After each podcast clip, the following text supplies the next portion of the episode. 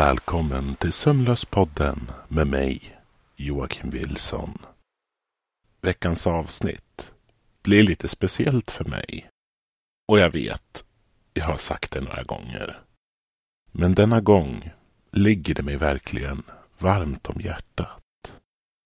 Den utspelar sig nämligen i Abborrebergsskogen. En liten trevlig skog i Norrköping. I den tysta villaförorten Linda. När jag haft stora livsbeslut att ta hand om eller bara behövt att koppla av så har det varit just till Abborrebergsskogen som jag har promenerat. Satt mig ner på en klippa för att bara slappna av en stund. Så jag försöker på inget sätt att smutskasta denna fantastiska skog. Det är istället en hyllning till den. Vad är då en lyktgubbe? De går även under ett annat namn. Irrbloss. Och sades vakta gravar som tillhörde dem själva eller personer som varit nära dem. När de levde. Men lyktgubbar sades också vandra runt i skogen om nätterna och leda in människor på villovägar med lyktans skarpa ljus. Kanske verkade de till en början vara en välvillig själ som ville hjälpa till att visa vägen. Men deras motiv var helt enkelt att leda personerna i cirklar tills de helt tappat förståndet.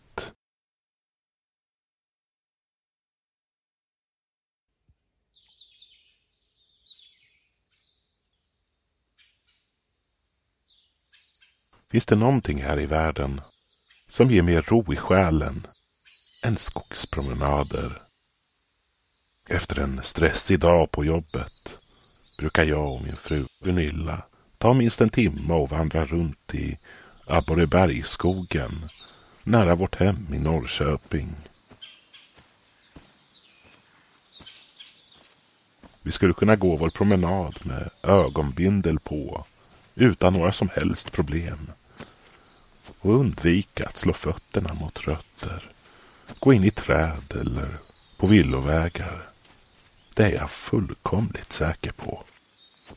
Någonting som jag är lika säker på är att skogen är magisk. Att det bor väsen från sagor och fabler där, dolda för människoögon. Men ibland kan jag nästan känna deras närvaro när jag sätter mig ner på en träbänk och känner skogslugnet hela min kropp. Inte blir jag rädd. För mig är de skogens bevakare. För Gunilla är de fantasifoster i mitt stackars huvud.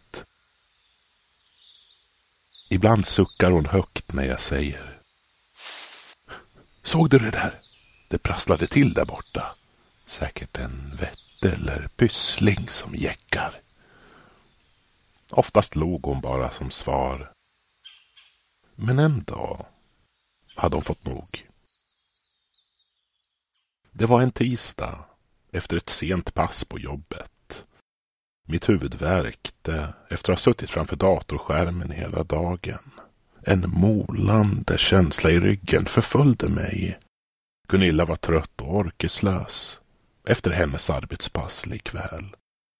Vi var osäkra på om vi ens skulle ge oss ut på skogspromenaderna eftermiddag. Regnet duggade försiktigt och det började bli mörkt. Tv-soffans trygga famn lockade så, så vi gjorde en sorts eh, kompromiss. Först la vi oss ner i soffan och tittade på ett ytligt program där en man träffar flertalet kvinnor. Det är som ett harem, men utan sexakten. Men med mycket kyssar, närhet och fullt med intriger. Sen röstar han ut dem som han inte har känslor för. Vilket märkligt koncept. Men efter ett tag var vi fast och såg hela programmet och började till och med få favoriter bland tjejerna. Vi slumrade till i soffan efter programmet för en timme eller så och vaknade till med en illavarslande känsla. Klockan var nu tio på kvällen och vi hade fortfarande inte gått ut på promenad. Vad sägs om att strunta i promenaden ikväll, Gösta? Jag funderade. Det lät ju väldigt skönt. Men ärligt talat var jag inte säker på om jag ens skulle kunna somna utan min promenad till Abborrebergsskogen. Jag kan gå själv, sa jag försiktigt. Om du går, då följer jag med, sa Gunilla med ett försök att verka hurtig i sitt nyvakna tillstånd. Men det kommer vara väldigt mörkt. Och vi har inga pannlampor, sa jag. Vi hittar. Vi kan ta med ficklampan i värsta fall. Rollerna hade nu ändrats. Plötsligt hade hon blivit den ledande kraften i frågan om att vägra hoppa över denna dagliga aktivitet. När vi tagit på oss jackorna, mössor, reflexvästar och ett par bra höstkängor så bar det av. Duggandet hade övergått i regn. Precis som jag hade trott var det fruktansvärt mörkt. Men innan vi kom in i skogen lyste gatlyktorna tacksamt upp vår väg. I vanlig ordning pratade vi på om hur dagen hade varit. Dess ljusstunder, hinder som behövde tas igenom och irritationsmoment. Vissa dagar blev det ju mest av det sistnämnda. Men det var okej. Det kan vara skönt att ventilera frustrationen med den personen som betyder allra mest för en. Ibland blev det ju lite ensamt för oss. Gunilla och jag hade varit ett par sedan vi var 19. Vi ville så gärna ha barn. Men det blev aldrig av. Nu är vi bägge 60 år. Ingen av våra föräldrar lever längre idag. Visst har vi bekanta som vi umgås med. Men egentligen ingen familj förutom min bror och Gunillas syster som ständigt är sjuk. Stadsbuss 11 stannade vid sista hållplatsen, Abborreberg. En ensam passagerare steg ut. En man i 30-årsåldern med en stor svart rock. Det mörka håret åt alla håll och en cigarett hängandes i munnen. Inne i sin egen värld. Jag försöker alltid säga hej till samtliga när vi är inne i skogen. Det är någonting som är härligt. Mötena. Man kan stanna upp och prata om vilket fruktansvärt eller härligt väder det är. Ha långa konversationer med hundägare och klappa de små söta vofsingarna. Prata med föräldrar eller mor och farföräldrar som är ute med sina barn respektive barnbarn. Skogen förenar människor på ett helt annat sätt än vad stadsmiljön gör. Att möta någon på en enslig gata i Norrköping blir allt för oftast obekvämt. Man vet inte om man ska säga hej, så de mötande stoppar händerna i jackfickorna och tittar ner medan takten på stegen ökas instinktivt. Den resliga mannen med den stora rocken verkade också vara på väg in i skogen. Han hade ingen ficklampa, ingen reflex. Och nu när gatlyktornas belysning var borta kunde man knappt se mer än en meter framför sig. Så vi blev lite oroliga för honom. Han valde inte ens att ta vägen in mot elljusspåret utan gick rakt in i skogen. Ursäkta, vart är du på väg? frågade Gunilla. Hon fick inget svar. Troligtvis hörde inte mannen då han var allt för långt borta nu. Vi fortsatte att följa hans fotspår. Regnet öste ner och minskade det redan begränsade synfältet. Hallå, stanna! skrek jag i ett försök att rädda mannen från sig själv. Vi började jogga för att hänga med i hans raska takt och långa steg. När han till slut bara försvann. Som uppslukad av mörkret. Såg du vart han tog vägen? Frågade Gunilla oroligt. Nej. Kanske var det pysslingar som tog honom. Gösta, nu får du ge dig. Det finns ingenting övernaturligt i skogen. Det är en vanlig liten skog. Säg inte så. Du kan reta upp skogens bevakare. Hej skogens bevakare. Jag tror inte på er. Sa Gunilla retsamt. Jag tittade mig oroligt runt. Sen tillbaka på min fru. Det där var onödigt. Under vårt gräl så hade en gestalt börjat synas långt borta. Den kom långsamt närmare. Inte större än ett barn.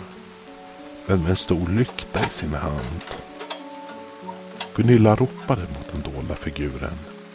Du där borta! Du har inte sett en man springa in i skogen? Gestalten nickade försiktigt. Stod fortfarande flera meter ifrån oss.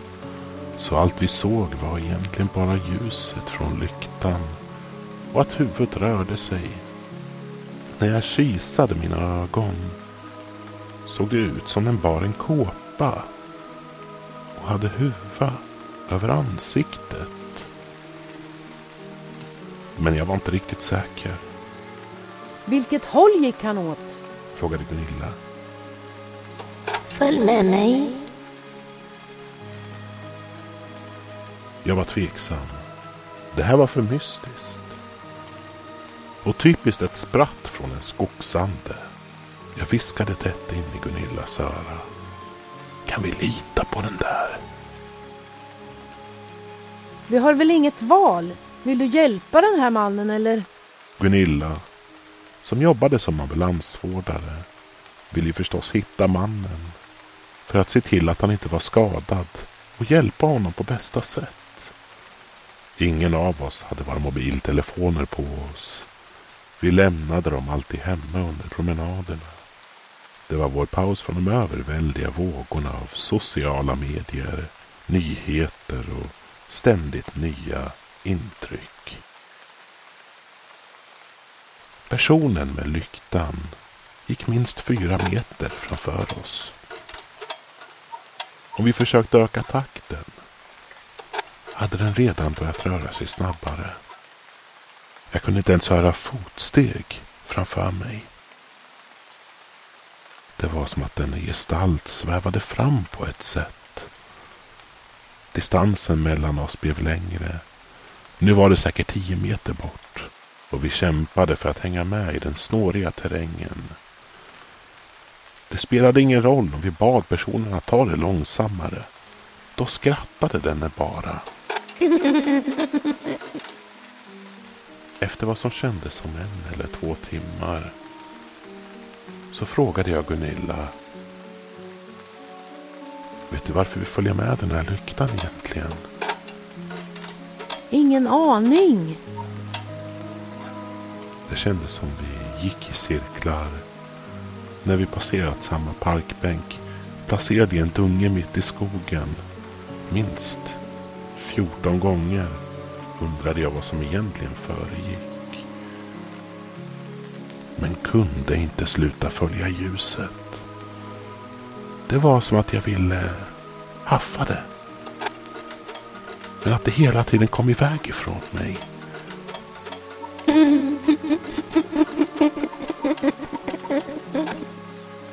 Gestalten som höll i lyktan skrattade till då och då. Tiden fortsatte att gå, antar jag. Men solen gick aldrig upp. Vi blev desorienterade. Allt annat än att nå ljuset kändes helt betydelselöst.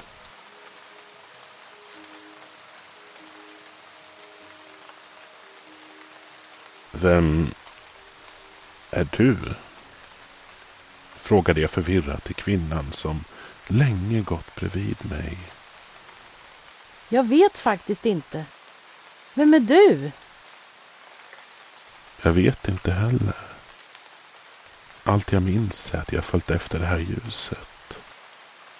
Det känns som att jag gjort det hela mitt liv. Samma här. Vandrat runt i den här skogen. Våra ögon möttes aldrig. Vilse i pannkakan. Storpotäten. Va? Jag minns någonting. Vilse i pannkakan. Det gick på tv. När jag var barn. Jag har inte alltid följt det här ljuset. Och Anita och Televinken. Anita. Det heter ju min syster. Vi brukar reta henne för det. Undrar var hon hade lagt Televinken någonstans. Jag känner en Anita, sa jag förvånat. Men jag vet bara inte hur. Vi fortsatte gå, följa lyktans ljus, medan vi bägge började minnas mer och mer. Jag tog mod till mig. Du, det här kommer kanske låta lite konstigt. Men jag, jag tror det är min hustru. Sa jag försiktigt. Hon tittade mig djupt in i ögonen. Vi slutade följa lyktans ljus en stund. Det är jag, Gösta. Jag minns nu. Du är Gösta och jag är Gunilla. Jag är Gunilla! Lyktans ljus var nu borta. Det kändes som att skiljas från en kär vän på ett sätt. Men också att frigöras från ett fängelse. Inte med murar och vakter som vakar över en. Mer på ett mentalt plan. Vi letade efter en man. Sa Gunilla. Solen hade nästan gått upp och det var ljust. Vi var utmattade men fortsatte vandra. Vi höll varandras händer och försökte förstå vad som hänt. Till en början hade Gunilla svårt att acceptera att det var en av skogens väsen som vi följt efter. En lyktgubbe. Men hon kunde inte förneka att det var ett övernaturligt fenomen. Nära den öde stugan, i början av skogen, låg mannen avsvimmad. Gunilla rusade bort mot honom och såg till att han hade en puls. Vi gav honom min jacka. Då var väldigt kall. Efter cirka 30 minuter vaknade han till. Var, var är jag? Du gick av bussen vid tio tiden igår vid Abborrebergs busshållplats. Sen rakt in i skogen. Du verkade vara förvirrad. Så vi följde efter dig. Vad skulle jag in i skogen och göra? När vi tagit hem mannen till oss och han fått vatten att dricka och vilat. Sa han med uppspärrade ögon. Jag tror jag minns. Åtminstone känslan av vad som hände. När jag klev av bussen så var det en röst som kallade på mig. Den kom från skogen. Jag försökte att inte lyssna. Dra på högre musik i hörlurarna. Men rösten blev bara ännu högre. Den sa det inte med ord. Men jag förstod att den inte skulle sluta förrän jag följt med den. Jag började gå. Men jag vet inte var. Nästa minne är att jag vaknar upp nära den öde stugan. Och innan du väckte mig, Gunilla, så hörde jag ett skratt och såg en lykta borta i horisonten.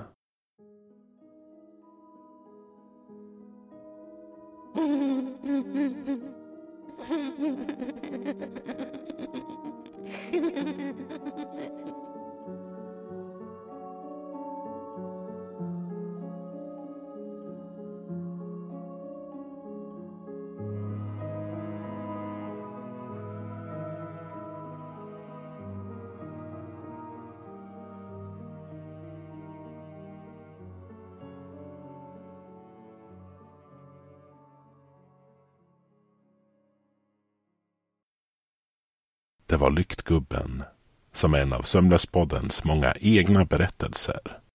Gästskådespelare i detta avsnitt var min mamma, Maj Wilson.